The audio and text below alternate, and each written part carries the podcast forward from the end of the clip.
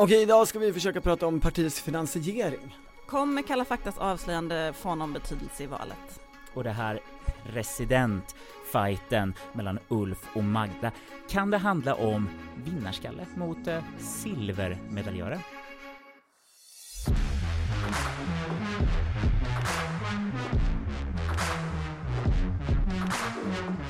Det här är Politiken med Maggie Strömberg och Torbjörn Nilsson. och Henrik Torehammar. Sveriges Television har ju partiledarutfrågningar nu eftersom det är val snart. Ja, det är val ja. ja mm. Och ehm, Strax. Det, det har varit de två statsministerkandidaterna Ulf Kristersson och Magdalena Andersson alldeles nyligen och vi ser ju ett eh, eh, konturerna av ett presidentval framför oss. Ja, åtminstone om Socialdemokraterna får välja. Eh, för de vill ju det. I, I hela sin kampanj bygger ju på Magda, Magda, Magda. De har till och med kepsar med Magda på. Man trodde ju att hon skulle tycka att det var, alltså man, när tidningar kallar partiledare för smeknamn så blir det ju alltid en så här sexistdiskussion. Man trodde ju att det skulle bli det om Magda. Men, men de har tryckt upp det på kepsar. Ja, och det enda som finns med smeknamnen är att Moderaterna har börjat använda ett annat. Alltså inte Maggan. officiellt, men i, Mm. i moderata Twitterröster. För att liksom reta så skriver de Maggan. Mm. Det- För att det ska på något sätt trolla igång någonting. Finns det någonting man kan säga om Ulf då? Uffe? Uffe Tuffe? Tuffe Uffe.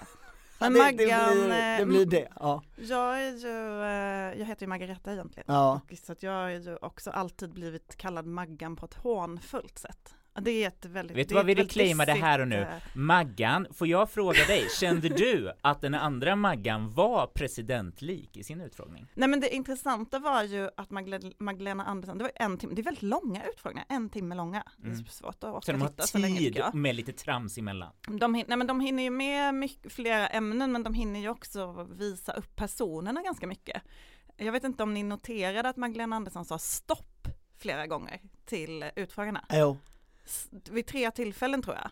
Eh, och att hon liksom när hon sa det också kom på sig själv kände jag som tittare och, förstod hur liksom otroligt osympatiskt det såg ut. För att hon är väldigt rak och tydlig där. För den andra sidan hon hade, det var ju lite som i terapin. Oj, om du hör att om jag gav dig intrycket att inte Socialdemokraterna tar fullt ansvar för varje gängmord och varje person som sitter i en sjukvårdskö, då måste jag ju be jättemycket om ursäkt för det. För det, det där var ju Ja. också den andra delen. Ja, Ja, hon hade den och det här och den väldigt kantiga eller hårda eller liksom det, det fanns ju ingenting som var mjukt socialt. De är ju, de är, de är ju ytterligheter här. Alltså Verkligen. Ulf Kristersson sitter ju i Verkligen. den där partiledarutfrågningen och så skrattar han som han gör. Och så skrattar han för ofta och på fel ställen så att det liksom ger ett intryck av att du är inte här och gör någonting på allvar och, och seriöst och du känner dig ju jätteobekväm och därför skrattar du så du ska känna dig bekvämare. Och försöker skratta bort svåra frågor. Medan Magdalena Andersson drar ju aldrig på smilbanden. Nej men utan det där, är ju, hon ser ju ut som att hon vill slå till eh, Anders Holmberg. Ja. Alltså med knytnäven helst. men och det där stoppet är ju, man undrar ju så här, är det så hon talar till sina medarbetare? Var det så hon pratade till Mats Persson i förhandlingarna om budgeten i januariavtalet? Är inte det väldigt tydligt sätt att kommunicera? Stopp, inte mer data från dig.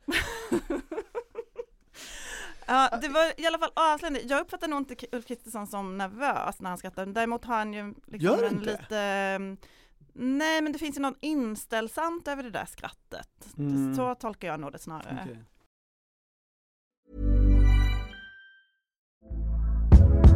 Hey there, it's Michelle Norris. I'm host of a podcast called Your Mama's Kitchen. When I travel, I'm usually looking for a way to find a taste of home when I'm not at home. And one of the things I love to do when I am at home is entertain. And Airbnb allows me to do that. When I was in California recently, I rented a house that had a great kitchen. And when we were sitting around the table, we we're all thinking, we're in someone else's house. Someone could be in all of our homes as well.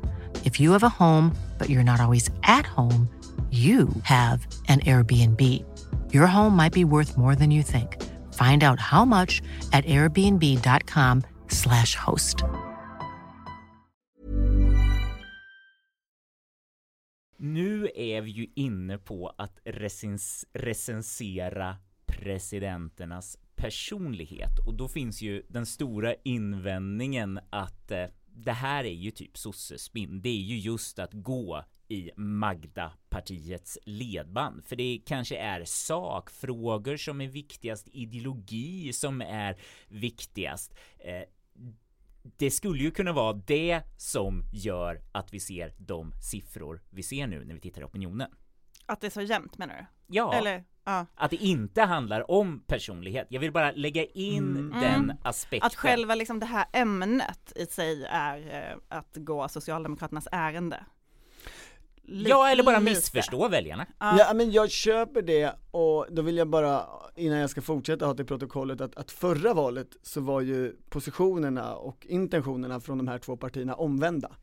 Då var det ju Moderaterna som gick till val på en personvalskampanj kring den här löpande nya partiledaren mot den här Socialdemokraternas eh, partiledare som Gamla knappt, kun, knappt kunde hålla i, i, svara på en fråga och liksom ja, inte alls var kompetent då var, var ju tanken från moderat sida. Eh, Även Fredrik Reinfeldt har Men jag- kört det här tricket. jag tycker ju faktiskt att det, det här är spännande för att om man tittar på den här valrörelsen hittills så går den ju väldigt mycket Moderaternas väg. Alltså man, vad är frågorna som diskuteras? Vad skrivs det om? Vad, vad, vad, vad ställs det frågor om? Vad är på agendan? Det är Moderaternas frågor, de, de som de vill ha i den här valrörelsen.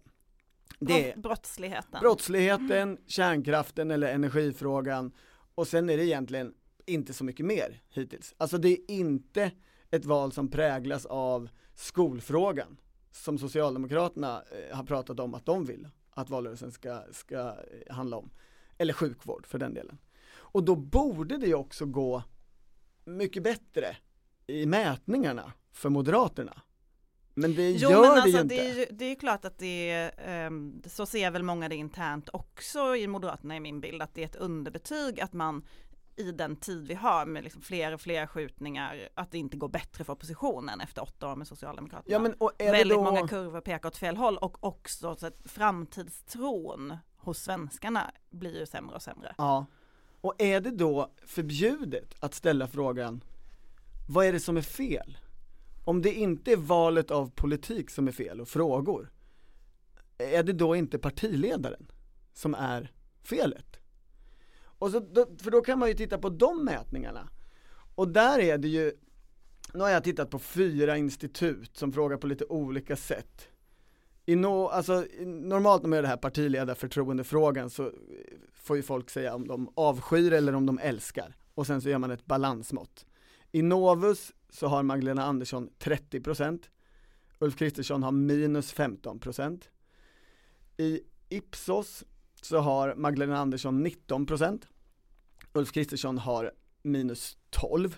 I Ipsos så är det liksom, Magdalena Anderssons nivåer är rekordhöga. Eh, så där höga har de inte varit sen liksom Reinfeldt och, och Göran Persson.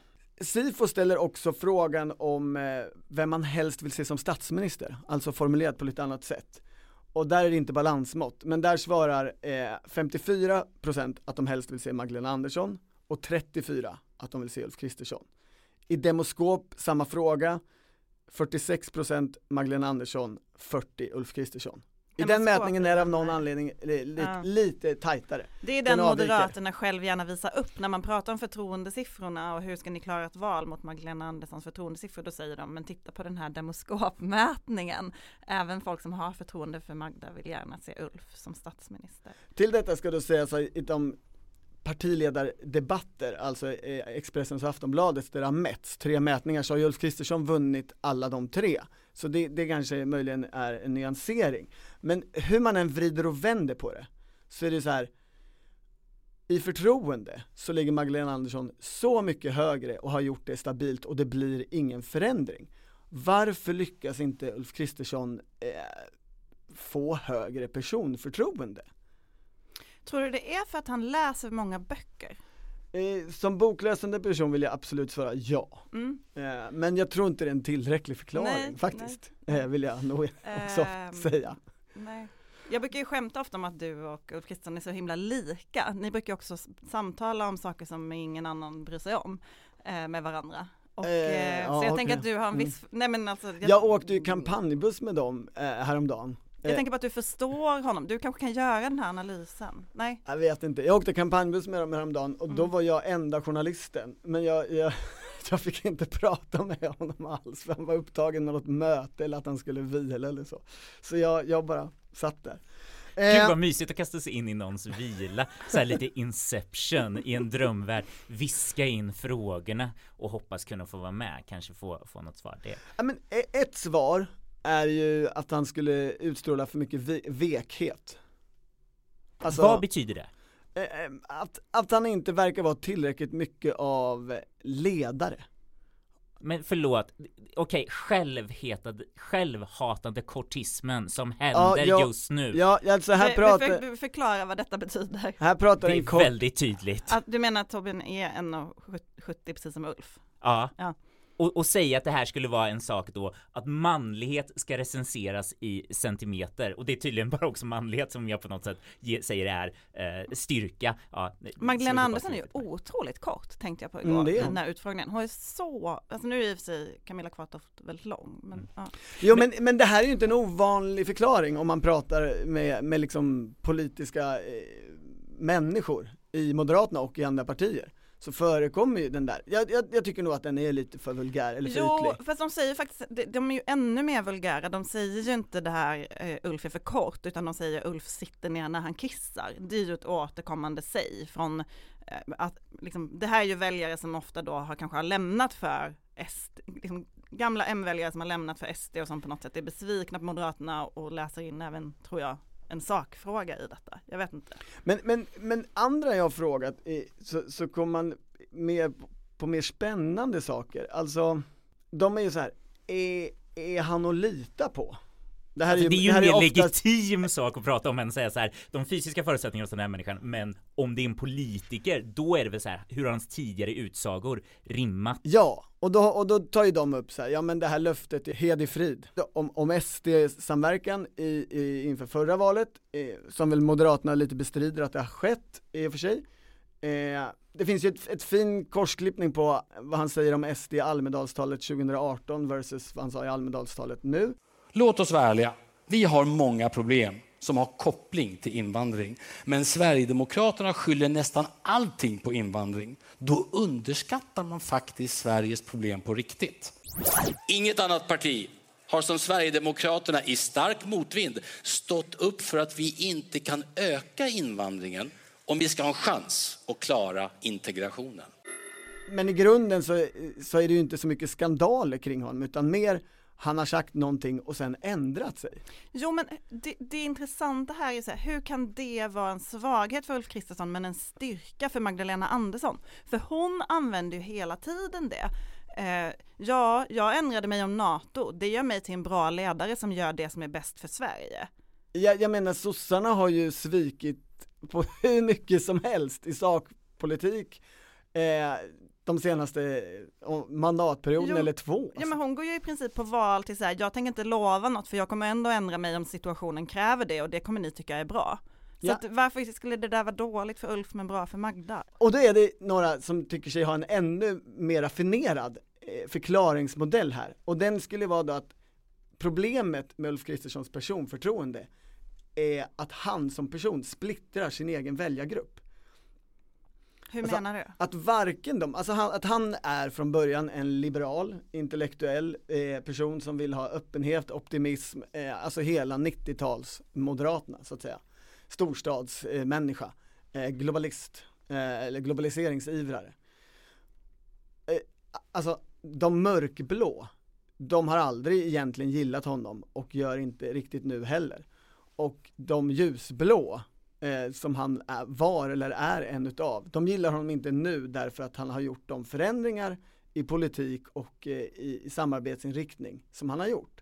Så det är ingen som, som blir, som älskar Ulf på riktigt.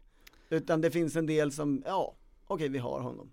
Men är det inte bara så enkelt som, alltså jag tycker mycket av detta låter raffinerat då, men, Okej. men skulle man inte också kunna tänka sig att det är så enkelt som att eh, Magdalena Andersson hade tur på ett sätt och fick hantera flera kriser. Vilket gör att väljarna automatiskt liksom ser, hon har fått chansen att visa upp någonting som Ulf Kristersson inte har och då ser man henne som en Statsminister-auran kommer naturligt, hon har gjort saker och då, Ja, men hon har gått i den här parken i Vita huset med Joe Biden, alltså Nej men det, alltså det, det blir inte jämnt, det är som förutsättning, utgångsläget är ju inte jämnt. Du, du säger som ett barn, det är orättvist.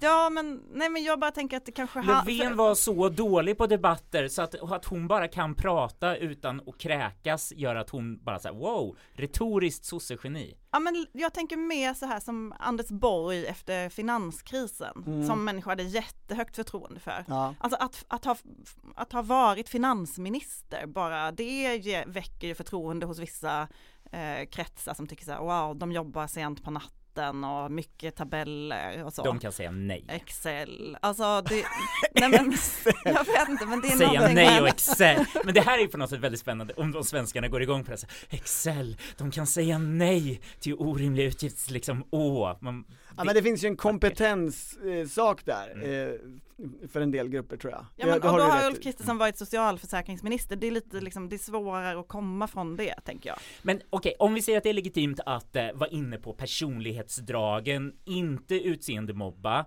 eh, men finns det någonting, okej nu väcktes det en så här, går det att utseendemobba Magda? Vi ska inte gå oss, ge oss Nej. in på det. Nej, Nej, man får inte prata om kvinnors utseende. då, Nej, är, men, då, är det, då har eh, vi avfört det här från protokollet. Då vill jag säga, finns det ett sätt för Moderaterna då, eh, eller den andra sidan, att ge sig på Magdalena Anderssons personlighet? Ja men det väldigt tydliga som man ser nu är ju eh, att man går på det här som det pratades mycket om när Magdalena Andersson valdes, alltså hennes eh, eh, lite aggressiva beteende, hennes humör. Som det ju, ni minns den stora diskussionen som var i, när Stefan Löfvens efterträdare skulle utses. Ja Då den, var det ju det enda man pratade ja, den om. har ju också, den har också funnits från socialdemokrater. Absolut. I alla, jag, Mm. jag, jag har nog sagt det här förr, men i alla personporträtt jag någonsin har skrivit om Magdalena Andersson och i intervjuerna inför dem, så har det här alltid varit ett tema. Ja, jag men tog och- ju med det och kastade det i ansiktet på Magdalena Andersson eh, när jag gjorde en intervju på P1 och var så här är det för att du är så elak som ni har förlorat Liberalerna? Och då så gjorde hon skrattet. Nej, det är faktiskt inte mitt humör som har att göra med blabbi blabbi. Och då kände jag så här, jag skiter i om Sveavägen lagt x hundratusen kronor på att coacha henne för ett sånt genuint eller fejkat genuint skratt där. Det var liksom, jag blev övertygad om att hon visade någonting, eh, liksom, det, det, någon mänsklighet. typ. precis, hon, hon kunde hantera arghetsfrågan. Men utan att bli arg. Det var ju ändå imponerande Mm. på något sätt. Jag förstår vad du menar. Men, men, ehm, nej men det var ju det här toalettbråket på Expressens, eh, efter Express, eller före Expressens debatt var det nog, förra veckan. Berätta, vad Eh, hände? Det här har Expressen, Var du på toaletten? Nej men Expressen har ju själv rapporterat om detta att Magdalena Andersson på en eh, toalett med, med många människor närvarande hade skällt ut Ebba Busch för att ehm, socialdemokratiska valaffischer som Magdalena Andersson ser från sitt fönster i Sagerska har rivits ner och ersatts med Ebba Busch affischer. Och Magdalena, Rivits ner vet man inte, men de har Nej, ju men det- försvunnit. Det, Magdalena And, ja, de har försvunnit. Någon måste väl ha tagit bort dem då? Ja men det, ja, då säger väl Kristdemokraterna att det var inte vi som tog bort dem. Ja, men Mm. någon måste ha Ja, Jag ville bara att deras, Ja, ja, att deras sida av saken skulle Nej, få komma K- fram. KD säger ju att de har absolut inte gjort det, detta, men Magdalena Andersson sa att jag vill ha tillbaka affischerna, Det är kanske lite fattigt i Socialdemokraterna just nu, oklart, men Eh, och detta ska ha blivit då ett bråk. Och Magdalena Andersson har också bekräftat detta. Ja, detta hände. Jag sa att jag ville ha tillbaka affischerna och det gjorde hon i Sydsvenskan i veckan. Ehm, och det här har ju, ser man ju att höger eh, Twitter sprider väldigt mycket för att återigen få fram, är detta en, en eh, rimlig statsminister som skäller ut någon på en toalett inför andra människor? Ja, För, förlåt, om vi vi får försvara det här. Nu tänker jag på eh, Sanna Marin här eh, och festande. Det tycker jag alla var charmigt. Är det vansinnigt att vara en person som skäller ut på en toalett? Ja, okej. för en eh, valaffisch. Jag, alltså det hände ju mycket saker på damtoan, men som jag fattade så var det här en um, unisex toalett. Mm. Så att då känner jag att det är andra regler. Verkligen. Men det, det, här verbet skälla ut är väl också eventuellt omdiskuterat, men, men det spännande i den här saken och som är ju poängen som du far efter, tänker jag att att här, de tar ju alla tillfällen i akt, högern, att använda det här. Det är ju hur Ebba Busch svarar när Expressen ställer frågor om vad var det som hände där egentligen. Hon gör otroligt, jag kan inte eh, citera dem nu, men otroligt eleganta svar för att så här, å ena sidan, jag blev ju inte jätteupprörd och det var väl inte så farligt, men å andra sidan samtidigt naila fast att här var det ju en galen hysterika som, alltså antydningar åt det hållet, att, att eh, en galen Maggan hysterika som Argbiggan. Ja men och då såg jag sen att, att människor på Twitter började eh, skriva sina egna Magdalena Andersson historier när de har blivit utskällda av Magdalena Andersson en eller sorts varit metoo fast liksom Magda too. och jag har också en Magda-anekdot mm, oh. som jag skulle vilja berätta. Det var så här, det var på sjätte våningen i riksdagshuset Eh, Sveriges Radio har ju en studio där. Jag jobbade på Studio 1 vid denna tidpunkt. Det hade varit eh, finanspolitisk debatt i riksdagen och jag skulle referera den i Studio 1. Det är ju väldigt svårt att referera en typ av jättelång, många timmar debatt i Studio 1. Ja. Men det skulle jag eh, Och sen så skulle Magdalena Andersson, finansminister och Ulf Kristersson, eh, finanspolitisk talesperson för Moderaterna, ha debatt efter. Och Ulf Kristersson var lite tidig och satte sig på en plats och så satte jag mig mitt emot honom för att jag skulle ju vara med i radio först så att säga. Och så kommer Magdalena Andersson in och ser att jag liksom sitter på hennes stol och är, blir mycket irriterad över detta. Och jag säger, men jag måste vara med först och hon bara, jaha, men är det där mitt vatten då? Och blir liksom, och jag blev jätterädd för henne. Det var jätteobekvämt och då hade jag suttit där med Ulf Kristersson innan som är väldigt trevlig, vi hade haft ett lugnt samtal om någonting. Så den här persondynamiken eh, kanske Magda har fått en del feedback på? Ja men jag tänker att det, liksom, det där var ju en väldigt liten sak. Ja. Men, men det var tydligt hur, så här, hur många i någon slags högervärld som vill sprida den här bilden hade liksom en sån story att säga, jag träffade Magda och hon var otrevlig. Men sen är ju frågan, för det här är ju ledaregenskaper som är det vi liksom far efter och det är ju vagt i, i sig. Frågan är ju bilden av Magdalena Andersson som att hon blir arg, är, är stenhård, osympatisk. Är det verkligen till 100% negativt om man vill bli betraktad som en ledare? Och är det framförallt det från högersidan? För att jag tänker så här att det kan man tycka så här, ja vet du vad, ditt lilla snöflinga, eh, fakta trumpar känslor, den här känslan av att så här, eh, vet du vad, kalla mig att jag har en diagnos eller någonting men nu finns liksom det finns en tydlighet som jag kan tänka att högra sidan uppskattar extra mycket medan om man vänder på det hela och tänker de här angreppen på den veka Kristersson det är nästan kanske lite konstigare särskilt om man tar in eh, liksom vagare rykten och sånt där som alltid på något sätt går ut på han är ätstörd, eh, han är liksom på något sätt bryr sig så för mycket om sina tjocka vader på ett sätt som känns så här, men det där är ju nästan någon så här vagt homofobisk eller sexistisk eh, mobbning som känns så här konstigare om man skulle tänka att den kom från vänstersidan. Förstår ni lite vad jag är ute efter? Att så här, eh, högern gillar att liksom arg, de försöker så här, argbiggan, den kan man inte tämja och högerväljare bara, mm, jag gillar det. Medan så här vänstern bara så här, han är omanlig. Men kommer det vänsterifrån då? Kommer det inte från höger om Moderaterna?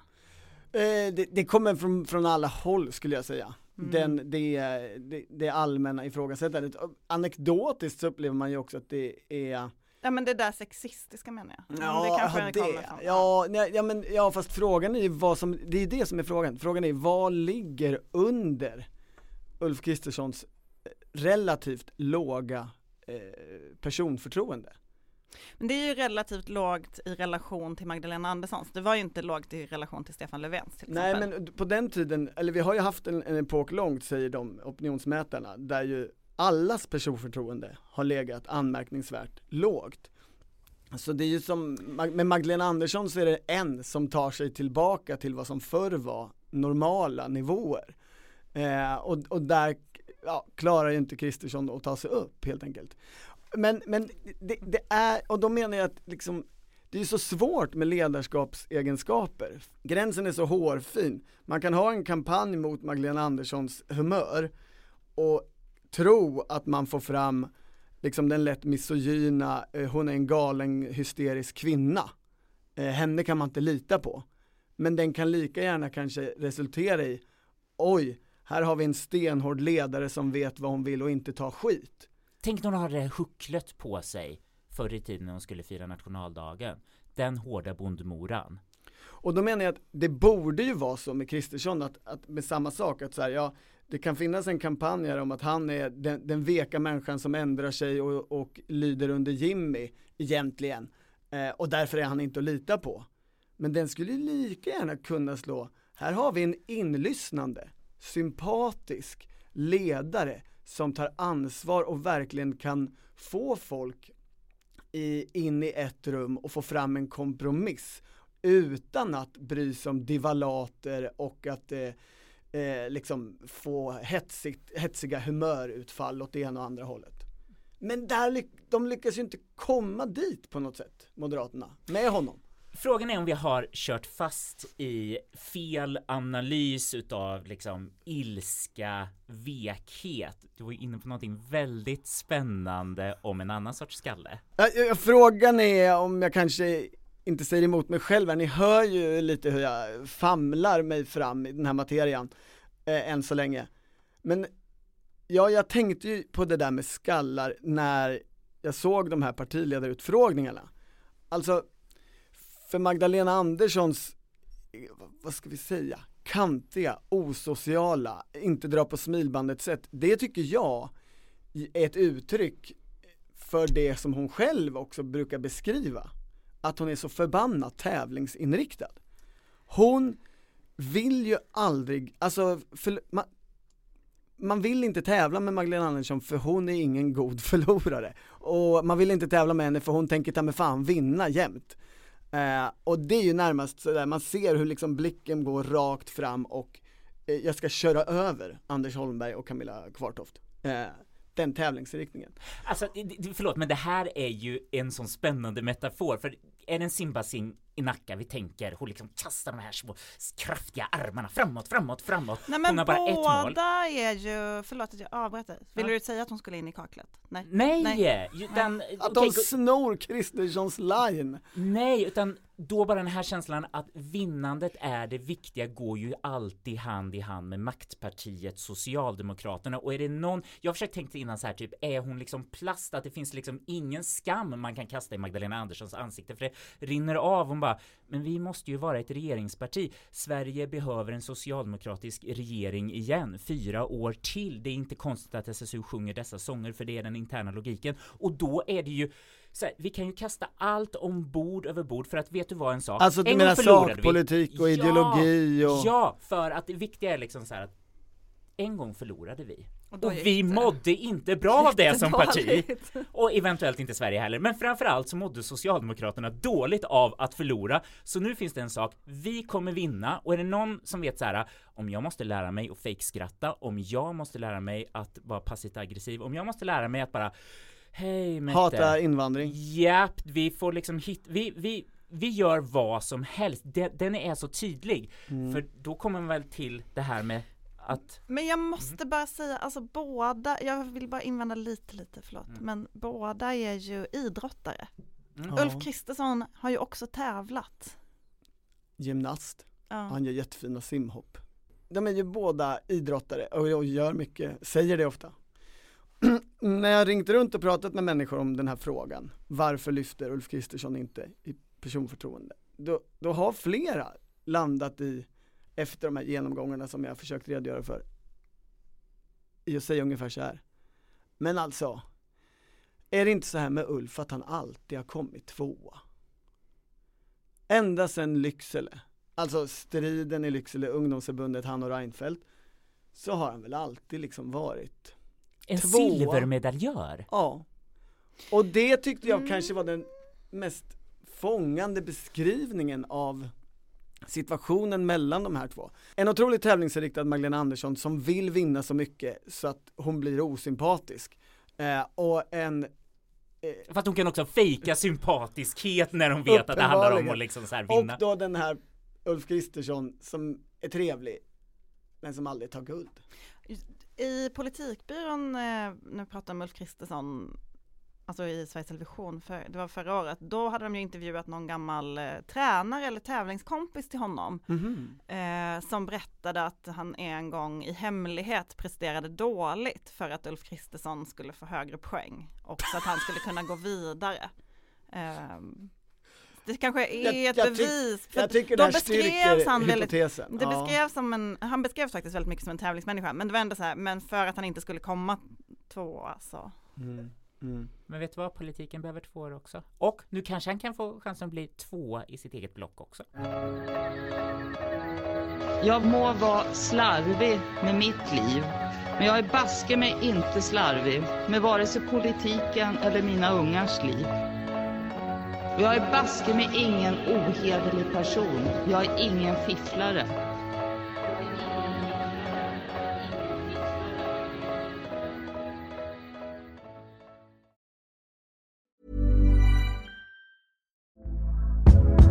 Hey there, it's Michelle Norris. I'm host of a podcast called Your Mama's Kitchen. When I travel, I'm usually looking for a way to find a taste of home when I'm not at home. And one of the things I love to do when I am at home is entertain. And Airbnb allows me to do that. When I was in California recently, I rented a house that had a great kitchen. And when we were sitting around the table, we we're all thinking, we're in someone else's house. Someone could be in all of our homes as well.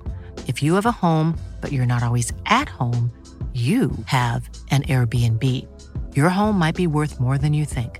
Find out how much at airbnb.com/slash host.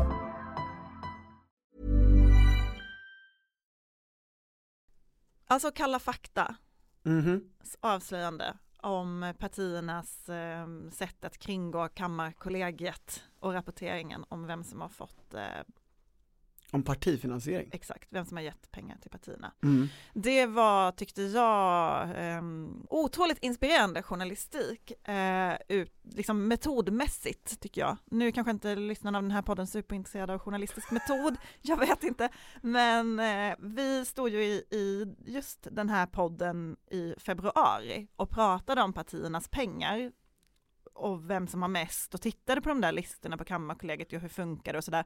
Och då spekulerade ju vi Torbjörn precis om det här. Eh, olika sätt att faktiskt kringgå, att inte visa upp dels hur mycket pengar partierna har men också eh, från vem de kommer. Bo- Borde Kalla fakta granskat oss också? Nej, men vi, nej, de kanske fick idén från vår podd, jag Aha, vet inte. De lyck- vi hade ju då inga belägg för detta, vi pratade om att ja men man kanske kan ge Misstänkliggjorde ett demokratiskt system. Ja men vi sa så här, man kanske kan ge pengar till eh, opinionsbildningsprojekt, check på den, det Ja. föreslog ju Gunnar Strömmer. Eller man, man kan kanske ehm, Dela upp det sa vi väl, måste vi ha sagt. Osäker på det, jag minns att vi pratade om att man kanske kan fakturera, alltså man kanske kan skänk, liksom, alltså göra en kampanj till exempel utan, alltså vi pratade om olika så fakturaupplägg och Ja. det fanns ju också. Eh, Men vi, nu har ju Kalla fakta kommit på ett otroligt kreativt sätt att belägga det här då genom att låta två affärsmän ringa runt och säga att de vill donera pengar anonymt. Och det här var riktiga affärsmän, det var väl det lite som var uh, uspen här. För att man kan tänka så här, vem som helst skulle kunna ringa in och sen så är det någon så här, kan du googla där? Och man bara, det finns inte. Ja, nej, men, det här verkligen. fanns. Och ganska, de är ju anonyma i, i, alltså i presentationen, men de var ju inte anonyma gentemot partierna. Nej, och vi har ju intervjuat en utav dem. Mm, anonymt dock. Ja. Nej, men, och ofta tycker jag då, om vi liksom håller oss till den journalistiska diskussionen, att väldigt bra politikgräv görs av personer som inte är politiska reportrar.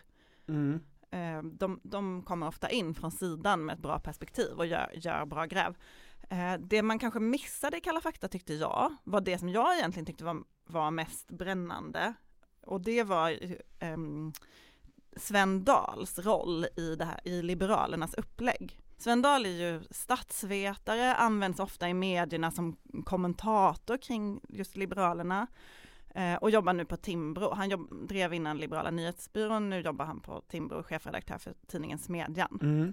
Och det intressanta med honom är ju inte bara att han har gjort då det här upplägget där han på någon slags kreativ faktureringssätt skulle kunna hjälpa den här affärsmannen att inte synas, utan att han var ju väldigt central i Liberalernas omsvängning till att byta lag, liksom hoppa av januariavtalet. Han var ju en av de viktigaste personerna i den interna debatten. Han var eh, på Liberalernas krismöte och presenterade sina siffror om att eh, väljarna vill inte se ett mittenalternativ mellan C och L eller en sammanslagning av de här partierna utan ska Liberalerna få stödröster så ska man gå högerut. Han, han gjorde ju egna opinionsmätningar, alltså som han fick pengar från, jag tror det var Karl Staffs fond eller möjligtvis Karl eh, Staffs och- minnesfond var det. Eller, Mm. det var inte Åhlénsstiftelsen, ja, Nej. någon utav de här ja, små liberala pengapåsarna.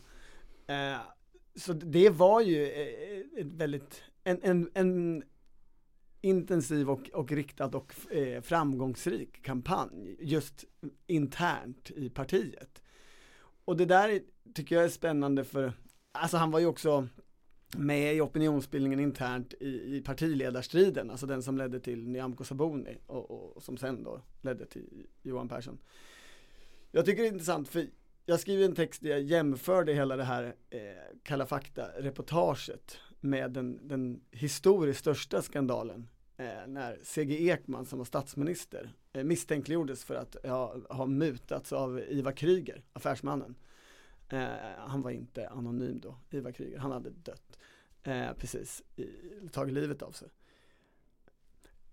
Jag ska inte fördjupa mig i den skandalen, men det riktigt spännande är att Hade han, men får jag bara fråga, hade Ja. han tagit emot pengar med ett löfte att genomföra viss politik? Alltså till C.G. Ekmans försvar så ska väl sägas att regelverket var ju annorlunda då. Man fick ju absolut, Riksbankens roll var annorlunda, det, Det var fanns mycket som var det fanns inget partistöd och, och massa grejer. Men han hade tagit emot pengar av eh, Kryger och eh, Kryger hade antecknat i sina minnesbok att han skulle ge 50 000, alltså idag en och en halv miljon, tre gånger till Ekman. Och de här datumen korrelerade ganska mycket med två stycken viktiga möten i Riksbanken eh, som ju inte var fristående precis, eh, utan där statsministern som Ekman var då kunde påverka utgången. Och båda de tillfällena i Riksbanksmötena, de ledde till att Riksbanken beviljade Kryger sjukt stora lån för att hans eh, liksom stora företagsimperium inte skulle gå under. Vilket det ju sen ändå gjorde och så tog han livet av sig och sen liksom eh, Mm. kom allt där upp till ytan. Det låter ändå ehm, som en bit ifrån Ja. det vi såg i Liberalerna. Men det är riktigt intressant, ja, ja, det, ja det, det kan man ju säga, det var en annan nivå och eh, sen kan det diskuteras huruvida Ekman verkligen påverkades av pengarna, men han misstänkliggjordes och det är ju själva poängen. Alltså eh, det funkar ju så här med korruption att själva misstanken räcker eh, Eh, för att det ska vara ett problem. Men det, det intressanta som du är inne på, att här finns ju också ett partipolitiskt eh, liksom underliggande motiv och så vidare. Alltså, ta Sven situationen här på våren eh, när, jag, jag kan in, nu försöker jag alltså sätta mig in i hans huvud. Här på våren när Kalla fakta eh, liksom eh, ringer Liberalerna, Liberalerna ringer Sven Dahl, frågar kan du hjälpa till? Liberalerna är utdömda. Det här projektet som han och de ledande liberalerna har investerat i är att, att gå högerut, det håller på att gå käpprätt åt helvete. Opinionsmätningarna som visade att går vi högerut och lämnar januariavtalet så kommer vi få stödröster från Moderaterna. Det har inte hänt alls. De kanske var ganska desperata i det läget. Eh, och då måste ju man ta in att här finns ju eh, en partipolitisk miljö. Och precis det använder, använde, för nu är ju inte C.G. Ekman levande längre, men innan han dog så hävdade han ju hela tiden att han inte hade gjort något fel. Och att det här var en komplott och en kampanj från Felix Hamrin, hans finansminister, i alla fall, eller människor som ville ha, göra Felix Hamrin till ny partiledare. För Felix Hamrin ville sluta upp med det här att vara, vara en vågmästare i mitten, som Folkpartiet var hela 20-talet, och bli ett mer högerparti som kunde göra upp med det konservativa högerpartiet Moderaterna eh, och därmed dominera riksdagen på det sättet istället. Och eh, Felix Hamrin tog också över som partiledare när Ekman fick avgå på den här skandalen. Så eh, Ekman menade hela tiden att det här var ju politiskt. Eh, det var inte själva om det var moraliskt rätt eller fel utan Men, det var några som ville uppnå något annat politiskt. och, och, och det, så var det också i Kalla faktiskt avslöjande, eller nej? Nej men det du? finns ju den här kontexten av att eh, det här är ju en gruppering och Sven Dahl har ju haft den här rollen av att vrida partiet åt ett visst håll. Mm. Eh, och, och den är ju Jo men och det kluriga här är ju så här, i vilken egenskap har han då haft det? Har han haft det som statsvetaren eller som personen som väl faktiskt aldrig har varit aktiv i Liberalerna men, men liksom på olika sätt nära knuten till Liberalerna? Konsult. Eller har han haft honom. det i egenskap av anställd på Timbro? Och liksom, alltså det är så, det är så, himl, det är så många varv av kladdighet i detta. Att det, det, jag, i mitt huvud blir det väldigt svårt att bara reda ut. Och nu vill väl ingen reda ut det där precis nu. Liberalerna verkar vara upptagna med annat. Eh, de har ju försökt krishantera och eh, det stora problemet är väl att man skulle kunna tänka sig pengar i politiken. Det låter som någonting som skulle kunna bli en valfråga, men lite så här. Tänk vad Magdalena Andersson måste ändå vara arg på sin ekonomichef som som gjorde att sossarna blev befläckade med detta. Annars fanns det ju en sån liksom röd grön attack mot ah, titta på de här oh, liksom eh, hemska typerna på andra sidan. Men det, det går ju inte att göra för då skulle de alla säga så här, ah, okej, nu får vi sluta hyckla här. Eh, sossar, ni vill ju ha de här smutsiga pengarna ändå. Och SSU var ju också med i reportaget. Ja, så det, det faller på många och eh, jag kan känna en sån här, okej, problemet ligger hos mig i betydelsen av att den här självbilden som många politiker anförde, liksom vädjade till, vi är så okorrupta, eh, har jag alltid haft med mig och trott på och Du är naiv. jag har varit naiv. Politiker behöver de här hårda lagarna som ofta finns i andra eh, länder och det är just den här problematiken med att så här, vad var det exakt som hände här? Vi, det blir ju extra problematiskt. Sven Dahl tycks ha liksom sagt så här, då får du gå och luncha lite med en riksdagsledamot. Jag vet inte hur attraktivt det är, eh, men det visar ju ändå på någonstans, liksom ger ju tanken av pengar ger tillgång.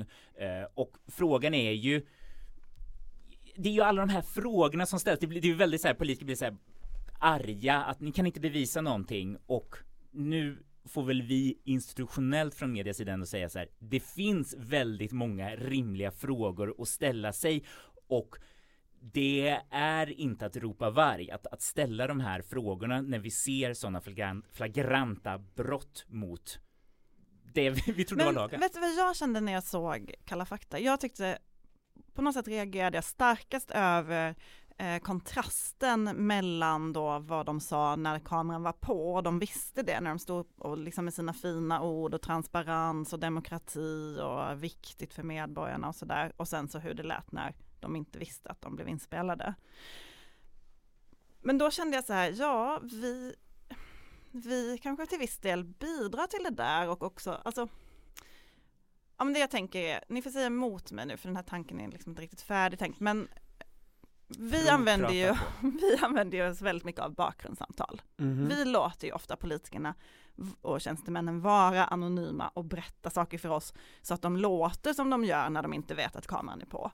Mm. För att annars låter de bara så, så som de gör när kameran är på. Och Ja. det är ganska värdelöst för, liksom, för oss, givet liksom, journalistiskt material. Eh, men det är så här, vi går ju också hela tiden med på och är en del i att de får säga en sak utåt och en sak inåt. Mm. Vi, det vi, vi har tränat dem att de förstår inte att när, när det kommer andra journalister som säger så här nej, hyckleri, så här får man inte bete sig, det är hycklande. Eh, vi, vi har låtit dem komma undan med Ja, det- att vara dubbelansiktade Ja, och man sätter ju på något sätt sig själv i en situation där man inte kan då säga så här, så här säger de, eh, alltså de ljuger på kamera och inte, liksom för att man är en del i det. Fattar ni vad jag menar? Ja, men det, det Tycker ni jag, säg att jag har fel. Nej men det är ju svagheten i detta som, som journalistisk metod, det med bakgrundssamtal. Att, att eh, man kan ju hamna i lägen där man så att säga vet att person X egentligen tycker någonting annat än vad den säger i Aktuellt. Ja. Eh, och, Och så kan man kan inte man inte- bevisa det.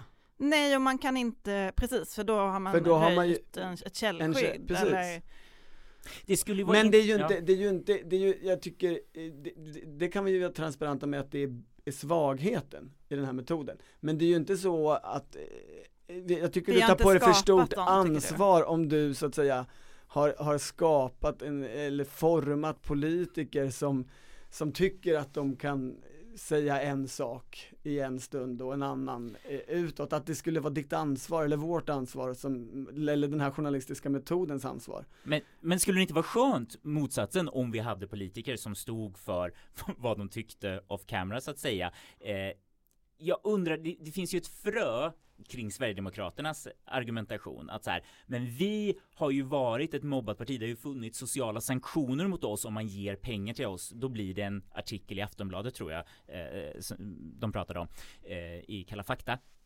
där skulle man ju kunna säga så här, nej men så vi, och, och det har jag ju sagt, vi var ju emot den här lagförändringen. Eh, för, och, det finns ju ett sätt att argumentera så här, nej men det, det kanske det finns en rättighet att veta var pengar kommer ifrån. Eh, partier Men- behöver det här bränslet. Eh, så att, Men man får inte bryta mot lagar man var emot. nej, det är Eller helt liksom. korrekt sagt. Men jag menar, du skulle kunna argumentera liksom, eh, Sverigedemokraterna skulle kunna säga så här, ja, ah, vet du vad, det var dumt, eh, eh, vi gjorde det här, om de menar nu att de verkligen har brutit mot lagen eller om de bara har kringgått lagen, om de har rundat Ja. lagen. Eller det är lite olika försökt, saker. försökt runda andan i lagen. Ja, en runda, en anda i lagen, det hör det blir väldigt fluffigt här. Mhm. Men att det skulle vara intressant att höra så här, finns det några som vågar argumentera för motståndarsidan så här att vet ni vad, allting har blivit så dyrt. Vidriga Schibsted, ni tar alldeles för mycket pengar för era annonser. Eh, de här 90-talisterna, 00-talisterna, har ni försökt anställa en 00-talist? De kräver 70 000 ingångslön för att du vet komma med ett buntband. Eh, De vill och sen så aldrig bara- jobba på och, och sätta upp alla affischer med buntband, jag Ja. förstår. Eh, nej, det vore ju intressant, för jag menar det i, i, tidigare när man har diskuterat partifinansiering så har det ju det, det framförallt från moderat håll alltid funnits en, en argumentation och gör nog fortfarande fast den inte alls har hörts i den här debatten av att alltså yttrandefrihet och åsiktsfrihet det är att också få skänka sina pengar till eh, organisationer eller föreningar som har de, driver de idéer eller åsikter som man själv sympatiserar med. Ni kan ju inte förbjuda mig för att jag har råkat eh, bli rik att, att ge pengar till Rädda Barnen. Och då kan ni heller inte förbjuda mig att ge Men det pengar får man väl göra idag, det är väl bara så här, måste man pengar till, säga till vem man är? Vänsterpartiet. Ja, Eh, eller till Centerpartiet eller till vilket men har du rätt att vara anonym? Det menar ju en del då Ja. i, i tidigare argumentation att det måste man ju få ha. För, an, för annars så, så inskränks ju både min yttrandefrihet och min valhemlighet och en massa saker. Eh, Men den debatten eller den linjen har ju verkligen inte hörts nu.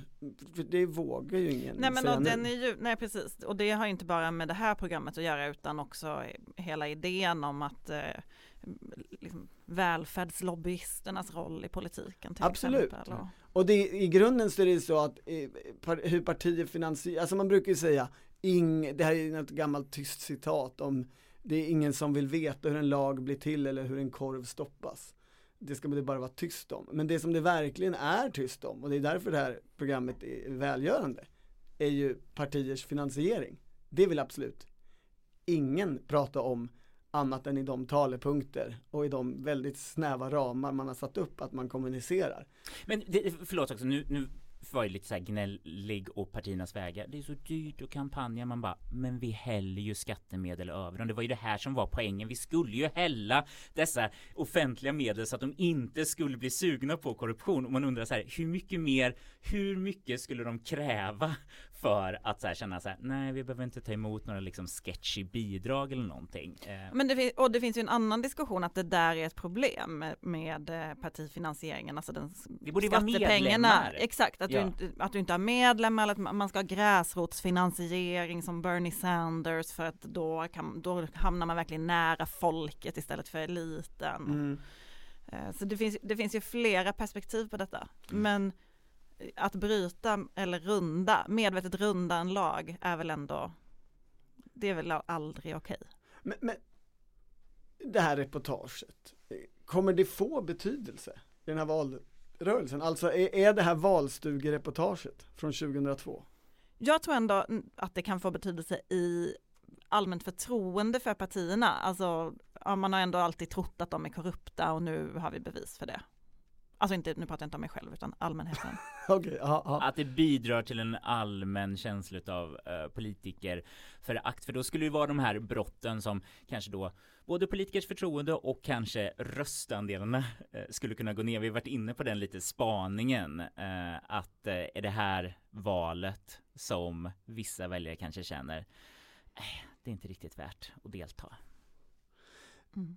Jag tänker att det, frågan är om det blir konsekvenser liksom i något av partierna. Alltså förutom att några, har, några tjänstemän har fått ta time-out eller, eller sluta eller avgå och sådär. Och då är, ligger väl ändå Liberalerna närmast.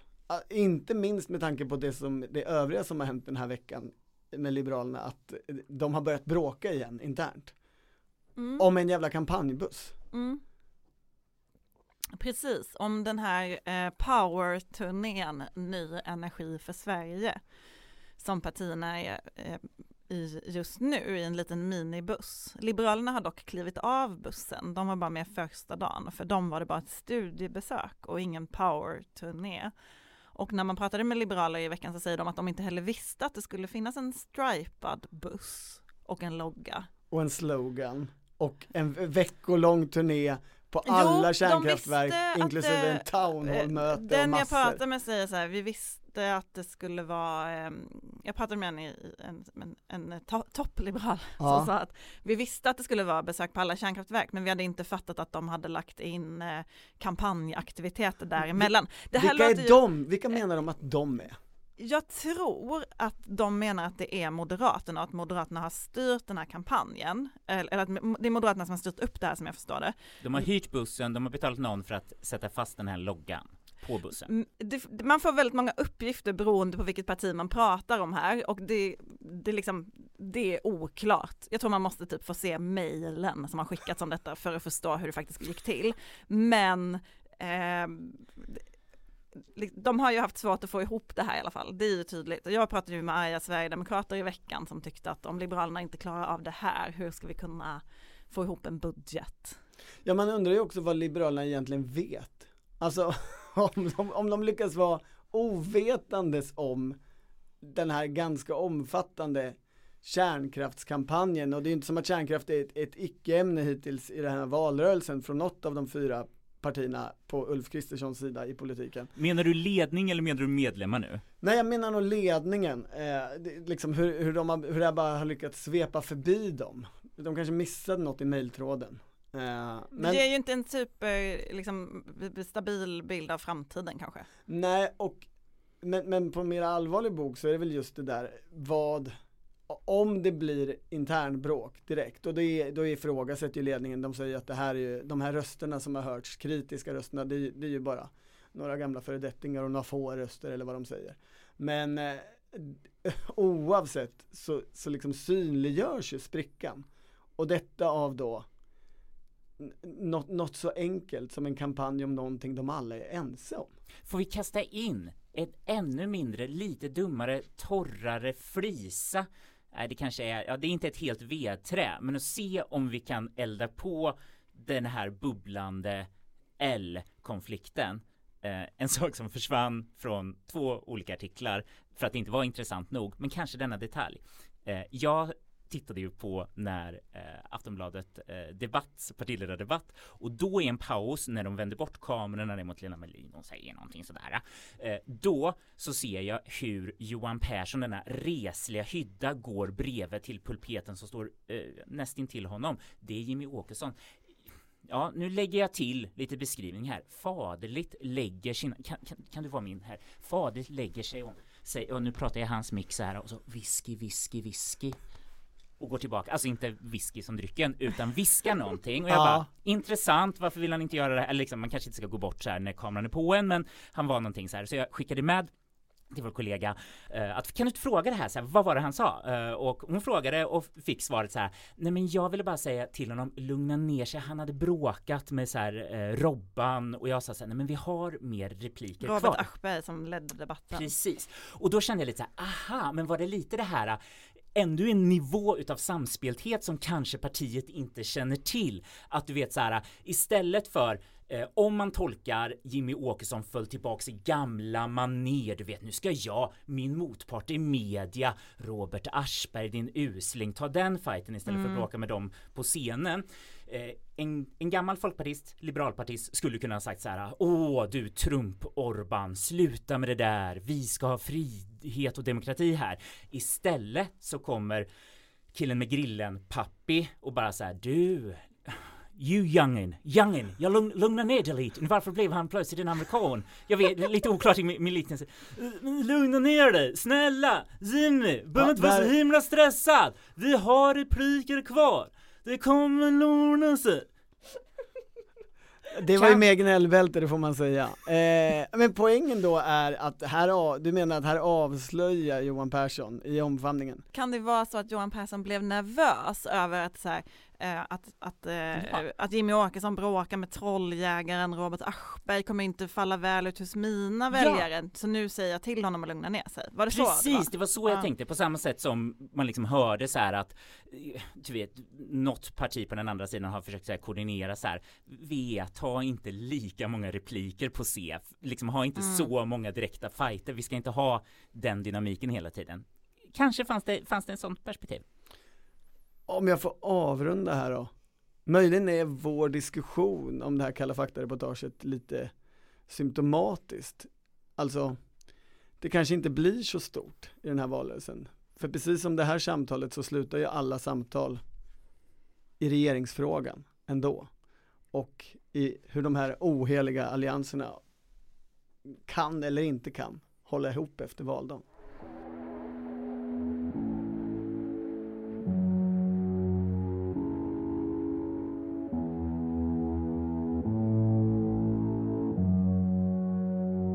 Everybody's stupid in an election year, Charlie. Everybody's stupid in an election. Everybody's stupid in an election year, Charlie. Stupid in an election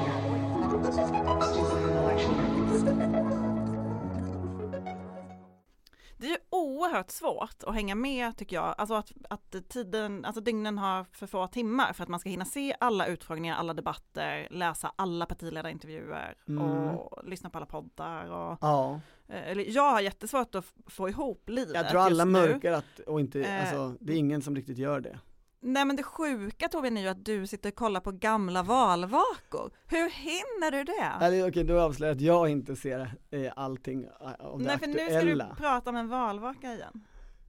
Ja men det är så här, jag såg i 2002 års valvaka, faktiskt inte i sin helhet men, men första två bu, timmarna bu. Eh, häromdagen och det var en grej som var riktigt intressant.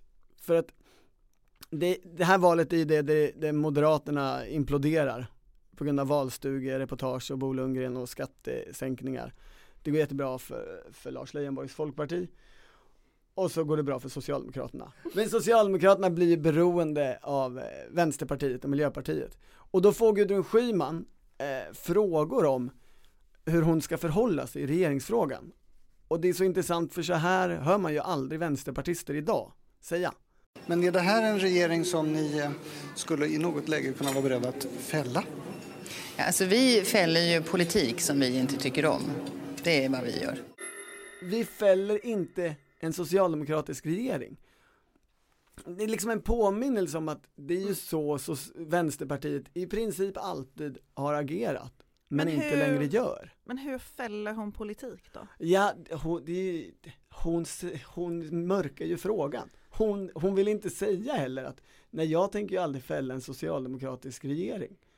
Eh, utan jag, men jag är emot dålig sakpolitik förstås. Som exemplet 90 när det var lönestopp väl? Mm. Då fällde man ju en regering ja, som kom tillbaka. Det är ju det stora undantaget ja. som vi bara ska förhålla oss till. Ja, okay. ja mm, som bekräftar regeln. Men nu gäller ju inte den här regeln längre. Eh, och lite längre fram på kvällen så kommer också eh, de eh, två pojkar från Vänsterpartiet fram, Lars Ohly och Kalle Larsson. Kalle Larsson som då var en, en eh, framträdande riksdagsledamot och han säger så här. Men allt beror ju på vilken form av samarbete vi får. Alltså en regeringsmedverkan är ju inte möjlig utan att vi hittar en regeringsförklaring som vi verkligen kan komma överens om. En regeringsmedverkan blir inte möjlig. Det, han vill inte sitta i regering. Vänsterpartiet 2002 vill inte vara med i regering. Utan det är liksom ingen drivkraft som är viktig för dem. Medan nu så är det här helt centralt. De vill ju in i regering. Och det är extra spännande eftersom eh, Kalle Larsson nu tror jag har titeln kanslichef och jobbar på eh, liksom Vänsterpartiets organisation. Och är gift med Ida Gabrielsson, vice ordförande. Hon, hon som tillsammans med Nooshi eh, bestämmer. Och man fick också i den här taldokumentären som SVT sände någon slags känsla av eh, Ida Gabrielssons och Kalle Larssons livssituation. För de beskriver där hur Ida och Nooshi alltid skriver alla tal i sista minuten, alltså dygnar. Vi kör ut min man och så sitter vi hemma hos mig eh, och skriver i några dagar innan och så hör personalen av sig. Varför, var är utkastet någonstans? Vad håller ni på med egentligen? Då säger vi att det, det är snart klart och vi ska bara fixa lite mer. Och, eh, ja, förhoppningsvis blir vi klar så att eh, Nooshi hinner sova lite i alla fall innan hon ska framträda. Jag är så inte förvånad över detta. Det är, ja. Så Kalle Larsson lämnas med barn, hem, alla plikter. Eh, Ida eh, öppnar en flaska vin med Nooshi och nu, kör, nu fixar vi eh, kongresstalet. Jag tänker också mm. en kall pizza. Det var därför Sannolikt. i Almedalstalet de citerade förra årets Almedalstal lite grann. De fick kanske inte ihop ett helt nytt. Men vad roligt för Ida bara såhär, jag pratade med Kalle, vet du vad, vi var dörrmattiga. Vår förra grej, det var, det var dörrmattigt. Och hon bara, ah, jag hör dig, vi kan inte dörrmatta oss längre. Eh, bort från dörrmatteriet, nu kommer nya tuffa Vänsterpartiet. Vill du sluta i poängen att eh, det är SD som är det nya V 2002? De vill inte heller sitta i regering. Den, det är en bra poäng. Nej, jag hade mer tänkt poängen att när man ser de här gamla valvakorna så inser man ju hur bra det var för Socialdemokraterna förr i tiden.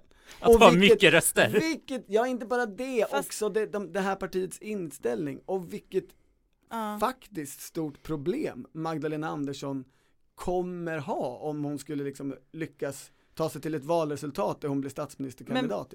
Men, men valet 2002 var väl också lite början på slutet på det här, för det här var ju valet då Miljöpartiet sidoförhandlade med Lars Leijonborg, han drömde om att bli statsminister ja. för, över en mittenregering. Yep. Eh, och sen så föll det, Centerpartiet drog sig ur och då kom man tillbaka till Socialdemokraterna men krävde det här 121-punktsprogrammet och tjänstemän i regeringskansliet. Precis. Det var liksom ganska på ett sätt likt januariavtalet Um, och efter det där lärde sig Miljöpartiet, sen kom Peter Eriksson, sen lärde sig Miljöpartiet att nu måste vi sätta hårt mot hårt mot Socialdemokraterna, vi måste göra upp med högern. Så och så att, tog det så, 20 år till för Vänsterpartiet att fatta det. Ja, och sen har ju Vänsterpartiet väldigt mycket kopierat Miljöpartiets strategi. Det de gjorde, liksom, vi måste fälla Socialdemokraterna, det är det enda de förstår. Mm.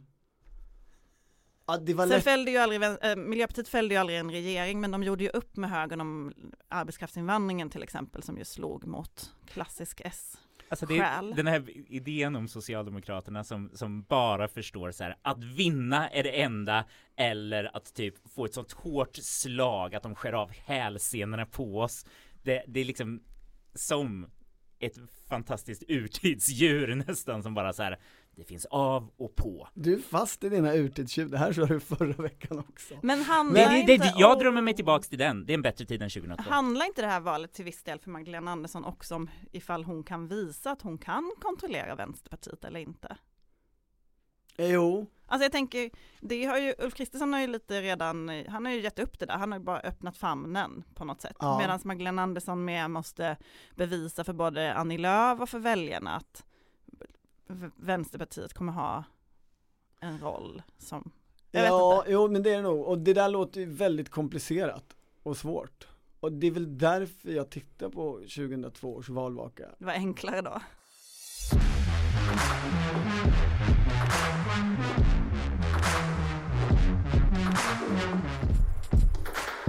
Du har lyssnat på Politiken, en podd från Svenska Dagbladet. Producent var Martina Pierrot, ansvarig utgivare Anna Kareborg.